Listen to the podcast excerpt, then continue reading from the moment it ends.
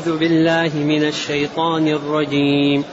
إن تجتنبوا كبائر ما تنهون عنه نكفر عن سيئاتكم. عنكم عنكم. إن تجتنبوا كبائر ما تنهون عنه نكفر عنكم سيئاتكم. وندخلكم مدخلا وندخلكم وندخلكم مدخلا كريما. ولا تتمنوا ما فضل الله به بعضكم على بعض. للرجال نصيب مما اكتسبوا وللنساء نصيب مما اكتسبن. واسألوا الله من فضله. إن الله كان بكل شيء عليما. ولكل جعلنا موالي مما ترك الوالدان والأقربون. والذين عقدت أيمانكم فآتوهم نصيبهم إن الله كان على كل شيء شهيدا. الحمد لله. الحمد لله الذي أنزل إلينا أشمل الكتاب وأرسل إلينا أفضل الرسل وجعلنا خير أمة أخرجت للناس. فله الحمد وله الشكر على هذه النعم العظيمة والآلاء الجسيمة والصلاة والسلام على خير خلق الله. وعلى آله وأصحابه ومن اهتدى بهداه. أما بعد فإن الله جل وعلا أكرم خلقه بإرسال الرسل وبإنزال الشرائع وبالتعليم وبالتوضيح وبالتكرار لذلك فضل الله علينا عظيم. ثم لما بين ومن يفعل ذلك عدوانا وظلما يقتل النفس أو يأكل المال بالباطل يفعل ذلك المتقدم فسوف نصليه أو يصليه نارا. وكان ذلك يعني العقاب على الله يسيرا. بعدين فتح الباب وفتح الأمل. فقال جل وعلا إن تجتنبوا كبائر ما تنهون عنه نكفر عنكم سيئاتكم. إن حرف شرط تجتنبوا تنحرفوا وتبتعدوا. كبائر جمع كبيرة. ما تنهون عنه الشيء الذي يحرم عليكم وتنهون عنه نكفر عنكم جواب الشر. واختلف العلماء في الكبائر. منهم من قال الكبائر سبعة. ومنهم من قال هي تسعة. ومنهم من قال هي للسبعين أقرب إلى السبع. ومنهم من وصلها إلى أكثر من أربعمائة كبيرة واختيار الطبري أن الكبائر محصور جنسها. أما أفرادها فلا تنحصر. الشرك وعقوق الوالدين وقول الزور وش؟ وقتل النفس. قال والبقية تدخل في هذا فالسحر يدخل في قول الزور. والزنا يدخل في قتل النفس.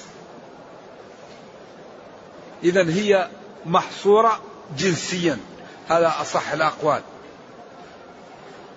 وفي الحديث الصحيح اجتنبوا السبع الموبقات قتل النفس والسحر والتولي يوم الزحف وقذف المحصنات. وهذا يدل على أن المعاصي نوعين. نوع يسمى كبيرة ونوع يسمى صغيرة. ولكن الذنوب كأنها منقسمة ثلاثة أقسام. ذنب مكفر وذنب كبيرة غير مكفرة وذنب صغيرة. وهذا الذي أشار الله له في سورة إيش؟ في سورة الفتح والله. أو في سورة الحجرات. وكره إليكم الكفر والفسوق والعصيان. فجعل الذنوب رتب ثلاثة. يعني كفر وكبيرة غير مكفرة وصغيرة.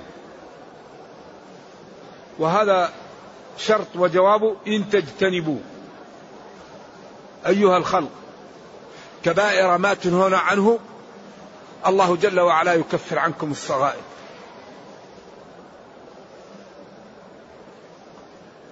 والكبائر لا بد فيها من إيش؟ من التوبة. والله قد يغفر الذنوب ما دام الإنسان مات وهو موحد فأمره سهل. المشكلة إذا انفلتت نفس الإنسان وهو على الكفر. هذه الكارثة اللي راعيها خلاص. لا مطمع له في الجنة ولا مطمع له في عمل ولا مطمع له في أجر. ولذلك ينبغي للمسلم أن يحافظ على التوحيد يحافظ على الإيمان يحافظ على الإخلاص لله يبتعد عن الشرك. والشرك هذا خفي. وقد الإنسان يكون ملتبس بالشرك وهو لا يعلم. يخاف. من الأمور ينبغي لا يخاف إلا من الله. يرجو من الناس ينبغي لا يرجو إلا الله. يسأل غير الله في أمور لا يقدر عليها إلا الله. يرى أن غير الله يعلم أمور لا مختصة بالله. لذلك ينبغي لنا أن نحاول أن نخلص العبادة لله. فالآن أغلب المسلمين لو تقول له من خلق الجبل يقول لك الله. من خلق البحر؟ الله. من خلق الغابة؟ الله. إذا قلت له من يجيب المضطر إذا دعاه؟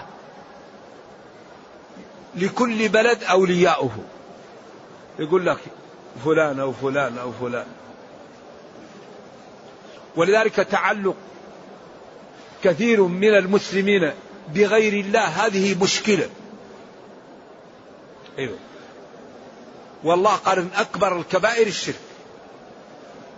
والشرك الإنسان أحيانا ما يظن مشرك.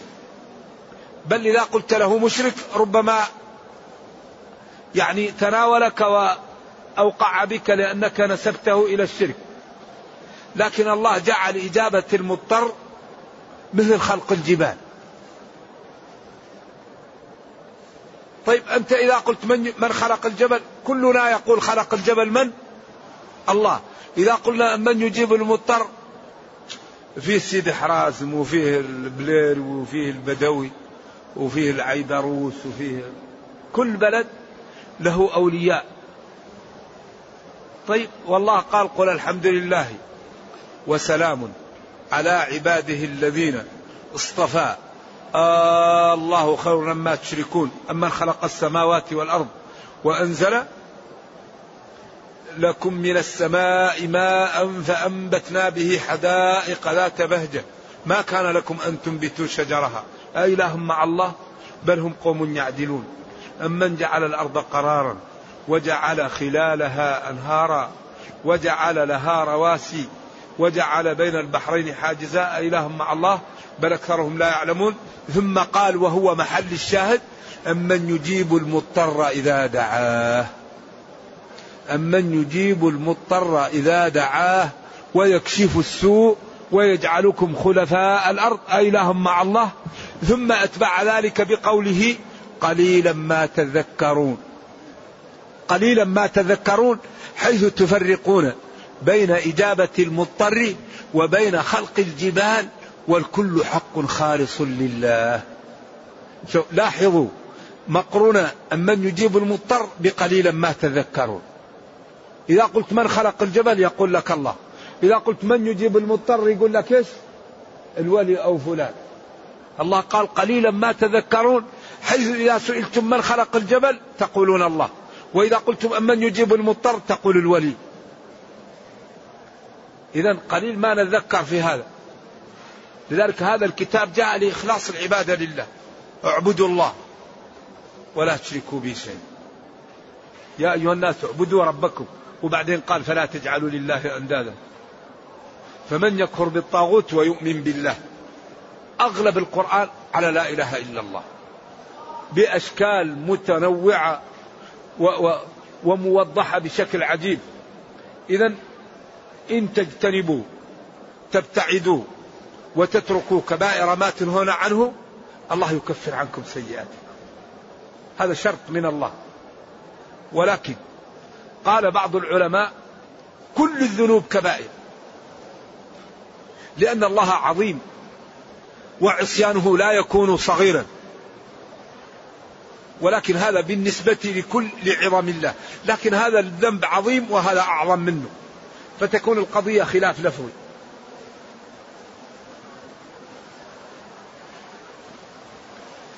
إذا إن تركنا الكبائر ابتغاء مرضات الله تعالى الله يغفر لنا الصغائر. ولكن الصغائر تغفر إذا كان الإنسان لا يداوم عليها. إذا كان الإنسان لا يستهتر لأن الاستهتار والاستخفاف بالذنوب ودوام المعاصي هذا من أسباب سلب الإيمان. وقد يخاف صاحب العصيان عند الممات سلب الإيمان. قالوا الذي يقترف الذنوب هذا مظن لأن يموت على الكفر عياذا بالله. ولذلك إذا رأيت العبد يعمل الذنوب ولا يخاف هذا يعني يخاف عليه. وفي الآية الأخرى قال الذين يجتنبون كبائر الإثم والفواحش إلا اللمم. اللمم هو الصغائر. ثم قال إن ربك واسع المغفرة. الله كريم. ولما ركب فينا الشهوة فتح لنا باب التوبة. وفتح لنا باب الاستغفار وفتح لنا باب آه، يعني الطاعة وجعل الحسنة بعشر أمثالها والسيئة بواحدة. ولا يهلك على الله إلا هالك. وندخلكم مدخلا أو مدخلا من أدخل أو دخل. ومحتمل أن تكون مصدر أو اسم مكان. كله ماشي. أي مكان دخول أو يدخلكم دخولا أو أدخلكم مدخلا. كله ماشي. من دخل أو من أدخل ويمكن مصدر من الرباعي أو اسم مكان من الرباعي. ماشي. كريما وهو الجنة. إذا يكفر عنكم سيئاتكم ويعطيكم طريق توصلكم إلى الجنة. ثم إن بعض النساء قالوا ليتنا يكون لنا الجهاد. أو ليتنا يكون نصيبنا مثل نصيب الرجل.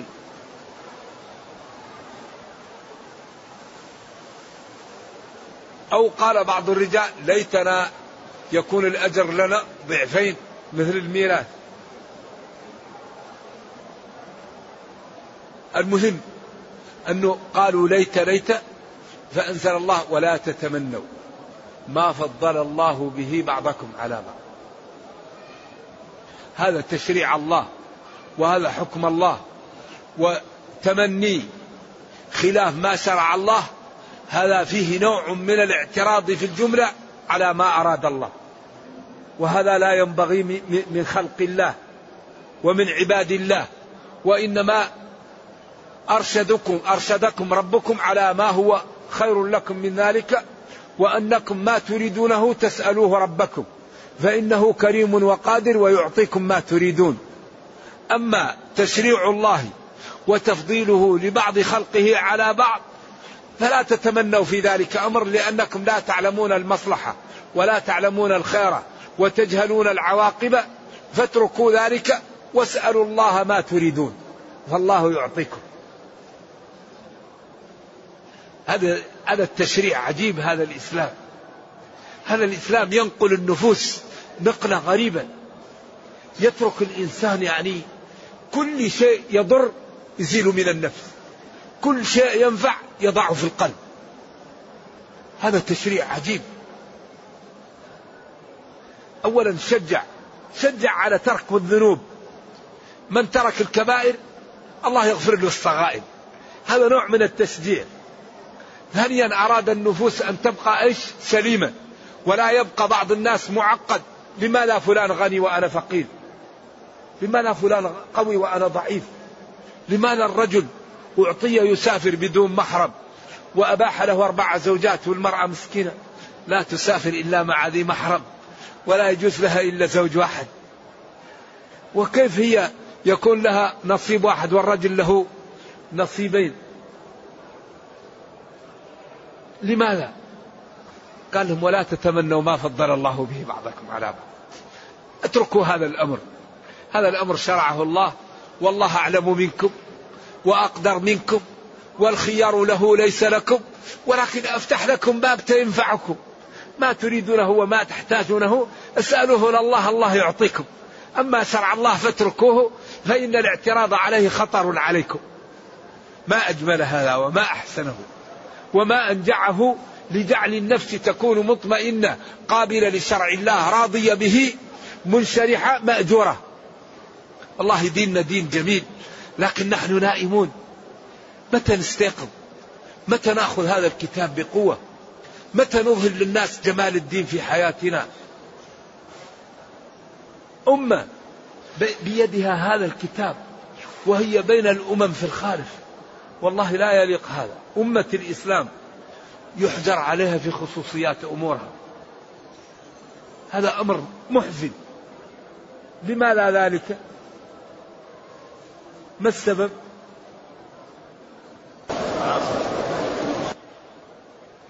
معاصي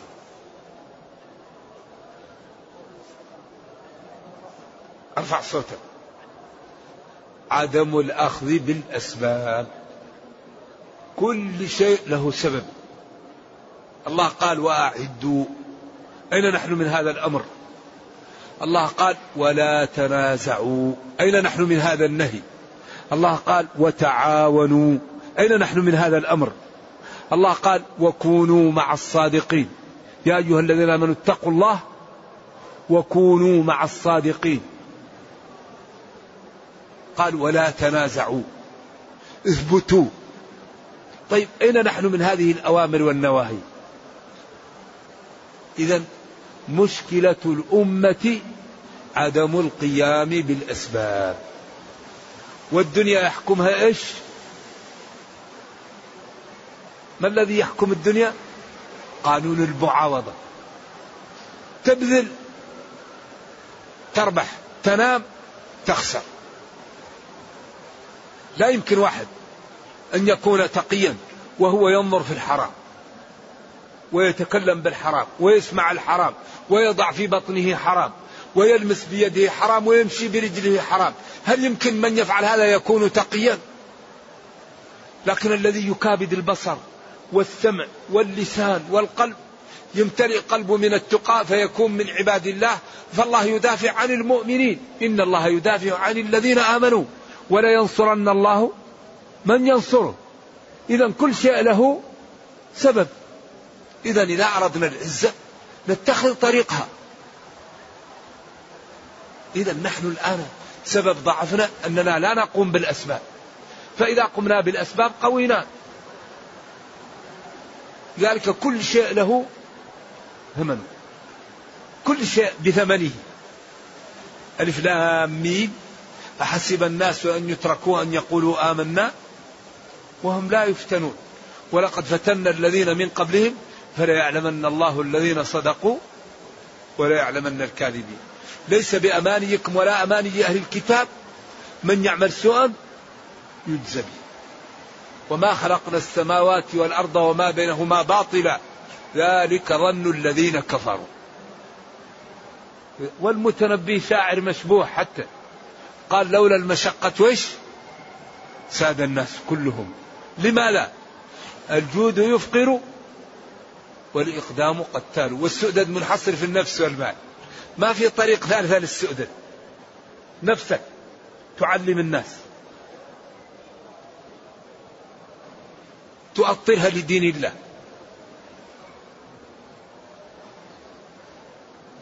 مالك تبني به المساجد تنفق به على الأيتام تصلح به ذات البين إذا السؤدد منحصر في النفس والمال. ولذلك ربنا قال إن الله اشترى من المؤمنين أنفسهم وأموالهم. لأن لو كان الجنة أغلى شيء لو كان عند الإنسان شيء يدفعه في الجنة لكن الإنسان يملك نفسه وماله. والله كريم ما أعطى ما قال لك تبذل. ابذل من مالك ومن نفسك. لدينك الله يرفعك ويرفع دينك بك لكن إذا كان كل واحد منا يجعل اللوم على الآخرين تتقوض الأمة كل واحد يقول الله يهديهم. الله يهديك أنت أول. الله يهديهم ما فعلوا. طيب وأنت وينك أنت؟ ما تفعل أنت. لا تكلف إلا نفسك. إذا كان كل واحد منا يقوم بما عليه قوية الأمة وارتفعت. وإذا كان كل واحد يجعل اللوم على الآخرين تقوضت الأمة. ذلك قال لها ما كسبت وعليها ما كسبت لا يكلف الله نفسا إلا وسعها. فلذلك ينبغي لكل واحد منا أن يتحرك لدينه ولأمته في ضوء دينه. لا بد أن يكون التحرك في ضوء الدين وإلا إذا كان التحرك في غير ضوء الدين لسبب لنا مشاكل ومتاعب. إذا الله جل وعلا يقول لنا إن تتركوا الكبائر الله يكفر عنكم الصغائر ويدخلكم الجنة. ثم قال ولا تتمنوا ما فضل الله به بعضكم على بعض. في بعض الناس.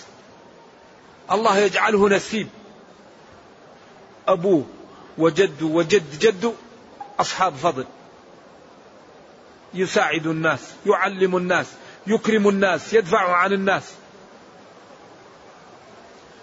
وفي واحد يكون آباؤه كان عندهم ضعف. في واحد يجعله الله رجل واحد يجعله امرأة. فلا نتمنى ما فضل الله به بعضنا على بعض سواء كان في المال أو في الجاه أو في العلم أو في غير ذلك أو في الذكورة أو في الأنوثة. ثم بين لأن هذا يدخل فيه دخول الأول يعني الرجال والنساء. للرجال نصيب مما اكتسبوا وللنساء نصيب مما اكتسبن ولكن نرشدكم إلى ما هو خير لكم من هذا ولما هو يعني أصفى للقلب وأنفع لكم. واسألوا الله من فضله اسألوا الله من فضله ولذلك الله إذا سألت يعطيك. ما في واحد يسأل رب شيء لا أعطاه. لأن الله قال ادعوني أستجب والله لا يخلف الميعاد. ادعوني لا يخلف الميعاد. أبدا. قال العلماء لكنه قسم الإجابة إلى ثلاثة أقسام. أن يعطى سؤله الذي سأله. أو أن يدخر له بقدره يوم القيامة وهو في حاجة ماسة إليه. عندك دعوة. الله ادخرها لك اليوم تأخذها. أو يدفع عنك من السوء بقدرها. أما تسأل ربك فلا بد أن يعطيك. إما يعطيك سؤلك. تقول اللهم ارزقني النجاح الله ينجحك. إذا ما نجحت يمسكها لك يوم القيامة ويعطيك قدرها أو يدفع عنك من الشر ومن المصائب بقدرها. إذا الأفضل من أن فلان عنده وأنا ما عندي فلان ويقع في قلب الإنسان الحسد. ولذلك أخطر ما يكون في القلوب هو الحسد. هذا المرض لا يوجد شيء أخص منه. وصاحبه دائما ناحل ووجهه كالح وفي عبوسة لأنه كل ما رأى شخصا في خير أصابه الحزن عياذا بالله. وهو أول معصية عصي الله بها في الأرض. أول معصية إبليس حسد آدم. وقابيل حسد هابيل. ولذلك كل العداوة يرجى إزالتها إلا عداوة من عاداك عن حسدي. ولذلك النصوص الصريحة الصحيحة تعالج داء الحسد. حديث الصحيحين عن أبي هريرة لا يؤمن أحدكم حتى يحب لأخيه ما يحب لنفسه. وفي مسلم عن أنس والله لا يؤمن أحدكم حتى يحب لأخيه ما يحب لنفسه. هذا أكبر علاج للحسد. إذا علم المسلم أنه إذا لم يحب لإخوانه النعم والخير والنجاح والفضل والغناء أنه لا يكمل إيمانه الذي يخاف الله. لا بد أن يحب لإخوانه ما يحب لنفسه. لذلك هذا من أكبر أسباب إزالة مالا الحسد. وقال العلماء أن من أكبر إزالة الحسد عن القلوب أن المسلم يكثر من الدعاء لأخيه الحاسد له. إذا وقع في قلب المسلم حسدا لأخيه فيقول اللهم زده في النعم اللهم كثر الخير عليه اللهم قوي بدنه وكثر ماله وأصلح نيته وأصلح ولده. على طول الشيطان يبعدك عنه لأن الشيطان عدو لك ويأتيك بالحسد ليهلكك فإذا رآك تدعو لأخيك ينسيك له ويزيل عن قلبك ذكره لأنك تدعو إليه تدعو له. إذا من أكبر آه، علاج الحسد أن تدعو لمن حسدته والحسد يختلف عن الغبطة. الغبطة هو أن تتمنى أن يكون لك مثل ما لأخيك من غير أن يزول عنه. أما الحسد فهو أن تريد أن تزول عنه النعمة سواء لك أو لغيرك أو لا تبقى عنده. وإذا رأيت أخاك كشفت عنه النعمة تفرح بذلك عياذا بالله. وهو لؤم وشؤم واعتراض على الله. الحسد لؤم وشؤم واعتراض على الله. ليش ينعم على خلقه؟ والله كريم ويحب من عباده الرحماء ويحب أن يكرم خلقه ويرحم جميع خلقه. الرحمن كل الخلق يرحمه. ولذلك جعل في كل كبد رطبا. رطب أجرا. يعني جعل كل كل حي الإنسان يعمل له منفعة هذه فيها أجر. إذا واسألوا الله من فضله. فالرجل أعطاه الله نعم والمرأة أعطاها الله نعم وكل واحد عنده نعم. فإذا رأى مسلم مسلما عنده نعم فلا يتمنى ذلك وإنما يسأل الله من فضله. ولذلك قال جل وعلا ولا تمدن عينيك. شوف هذا هذا زرع يعني الرفعة في النفوس. هذا جعل النفس رفيعة لا تنزل. ولا تتمنوا ما فضل الله به بعضكم على بعض. ثم قال ولا تمدن عينيك إلى ما متعنا به أزواجا منهم زهرة الحياة الدنيا لنفتنهم فيه ورزق ربك خير وأبقى. ولذلك قال العلماء اسألوا الله من فضله الجنة الفردوس لأن أمور الدنيا زائلة ولا قيمة لها. اسألوا الله من فضله أن يرزقكم الجنة يرزقكم الاستقامة يرزقكم الورع. يرزقكم حسن القصد حسن النية. إن الله كان بكل شيء عليما. يعني وهذا أيضا يزيل مكامن النفوس. اسألوا الله من فضله. إن الله بكل شيء عليم. من يخلص له من يدعوه للالتجاء من يريد الخير؟ من يصدق؟ الله لا يخفى عليه. من يلعب؟ لا يخفى على الله. لذلك لا ينجي إلا الصدق. الآن نحن في الدنيا. يوم القيامة لا يبقى إلا الحق. الدنيا الآن يمكن واحد لص يتظاهر بالدين ويتظاهر بالصلاة ويقال ونعم لكن ما هو صادق يكشف يوم القيامة. يمكن واحد يختفي ولا يراه أحد وهو في بيته يصلي ويبكي ويتصدق بل ولا يتظاهر بالدين. يوم القيامة فإذا هو هو. لأن, لأن يوم القيامة ما فيه إلا الحق. ما فيه. ما فيه ما يقبل الله إلا الحق. ولذلك ينبغي لكل واحد منا أن يفرق بين مال الله ومال غير الله. والله لا يقبل إلا ما كان له. ولا تخفى عليه خافية. ولذلك قال واسألوا الله من فضله إن الله كان بكل شيء عليم. الذي يسأله خالص من قلبه لا يخفى عليه. والذي يسأل يقال سأل لا يخفى على الله.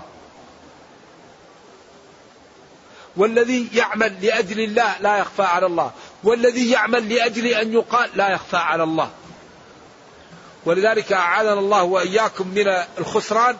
أول من تسعر بهم النار من؟ القمم. القمم التي لم تصدق. القمم العالم الشهيد الغني المتصدق الذين لم يصدقوا. فعلوا ليقال وقد قيل فانتهى أجرهم. لذلك لا بد للعاقل أن يحاسب نفسه وينتبه ويكون له أعمال خالصة بينه وبين الله لتنجيه يوم القيامة. لأن الأعمال الظاهرة هذه مشكلة. فلذلك ينبغي لكل مسلم أن يكون له جزء من أعماله لا يطلع عليه الناس. يقتطع جزء من الصلاة جزء من الصدقة جزء من الاستغفار جزء من الصوم جزء من الدعاء يجعله رصيد لا يراه الناس. هذا الله ينميه لك يوم القيامة يكون لك إسعاف لما يأتي الناس يوم القيامة والإنسان يحب المحمدة ويحب الذكر ويحب يقال ونعم. ويحب يقال ما شاء الله كلامك جيد وبعدين ما ينتبه ويروح في داهية. لكن الذي يأخذ أجزاء من أعماله ويخفيها صدقة ما يطلع عليها إلا الله. ذكر دعاء صوم صلاة استغفار توبة هذا ينميه لك الله وينجيك به يوم القيامة. وإذا علم العبد أن العبد عاجز عن يعطيه حقه لا يشتغل إلا لله لأن الناس عاجزون والله هو القادر والعاقل يشتغل لمن يعطيه الأجر ولا يمكن أن يعطيك الأجر كاملا إلا الله لأن جانب من الأجر للإخلاص وهذا لا يطلع عليه إلا الله. إذا ينبغي أن نعمل لمن يعطينا الأجر كاملا وهو الله. وثقوا تماما أن الله كريم وقادر ولا تخفى عليه خافية. فمن يريد الدنيا الله يعطيه إياها. ومن يريد الذكر الله يعطيه. ومن يريد الجنة الله يعطيه. ومن يريد المال الله يعطيه. ومن يريد الولد الله يعطيه. ومن يريد الصحة الله يعطيه. إذا لما لا نستقيم ونمشي على الطريقة المرسومة لنا. إن أردنا الدنيا أعطاها الله لنا. وإن أردنا الآخرة أعطاها الله لنا. وإن أردناهما معنا أعطاهم الله لنا. لكن هذا لا بد أن نمشي مع إيش؟ مع الطريقة المرسومة ولا ينصرن الله من ينصره. لا بد من الاستقامة. لا بد من الإخلاص. لا بد من الصدق. إذا واسألوا الله من فضله. ولذلك هذا الدعاء أمر عجيب. دعوة من رجل صالح تغمر الأمة بالخير. دعوة من رجل مظلوم تدمر. ولذلك اتقوا دعوة المظلوم. فإنه ليس بينها وبين الله حجاب. الظلم ظلمات يوم القيامة. ولذلك المسلم لا يظلم. لا يظلم. لأن إذا دعا عليك واحد ظالمك لا يستجاب له. لكن إذا ظلمت أحدا ودعا عليك على طول ربنا يستجيب له ويدمره فذلك ينبغي للمسلم أن لا يتعمد الظلم. وبالأخص ظلم الخلق. أما ظلمك لنفسك أو ما بينك وبين الله لكن ظلم الخلق إذا دعوا عليك الله يستجيب لهم. ثم قال ولكل من الورثة ومن الأقرباء جعلنا موالي مما ترك الوالدان والأقربون. كل واحد له أقرباء يرثهم ويرثونه. من الأولاد والأقربون. وجعلنا أيضا موالي مما عقدت أيمانكم. وهذه الآية اختلف فيها العلماء. منهم هي من قال منسوخة بقوله وأولو الأرحام بعضهم أولى ببعض.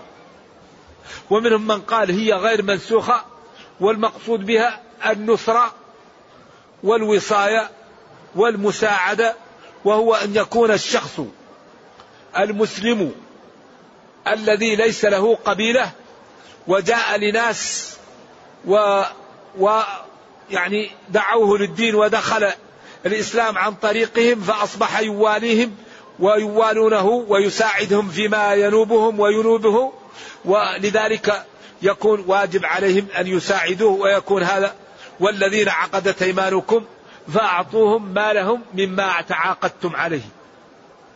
ولذلك لأبي حنيفة أنه يجوز أن يورث بذلك وهو المولى الذي بينه وبين الناس حلف يرثونهم من أعلى.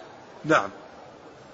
فآتوهم نصيبهم إذا كانوا أقرباء من الميراث وإذا كانوا من الحلف من من المساعدة ومن الرفادة ومن الوصية ومن النصرة. وعدم النسخ أولى لأن الجمع واجب متى ما أمكن. إن الله كان على كل شيء شهيدا وهذه الآية فيها ترغيب وترهيب وما دام كل شيء الله يشهد عليه فهنيئا للمتقين الصادقين وخوفا شديدا على المنحرفين الكاذبين. فالآية صالحة للترغيب والترهيب وهذا من إعجاز هذا الكتاب. نرجو الله جل وعلا أن يرينا الحق حقا ويرزقنا اتباعه وأن يرينا الباطل باطلا ويرزقنا اجتنابه وأن لا يجعل الأمر ملتبسا علينا فنضل. اللهم أصلح لنا ديننا الذي هو عصمة أمرنا وأصلح لنا دنيانا التي فيها معاشنا وأصلح لنا آخرتنا التي إليها معادنا واجعل الحياة زيادة لنا في كل خير والموت راحة لنا من كل شر. اللهم ربنا أتنا في الدنيا حسنة وفي الآخرة حسنة وقنا عذاب النار. اللهم إنا نسألك من خير ما سالك من محمد صلى الله عليه وسلم وعبادك الصالحون. ونعوذ بك من شر ما استعاذك من محمد صلى الله عليه وسلم وعبادك الصالحون. اللهم اختم بالسعادة آجالنا واقرم بالعافية ذونا وآصالنا. واجعل إلى جنتك مصيرنا ومآلنا يا أرحم الراحمين. سبحان ربك رب العزة عما يصفون وسلام على المرسلين والحمد لله رب العالمين.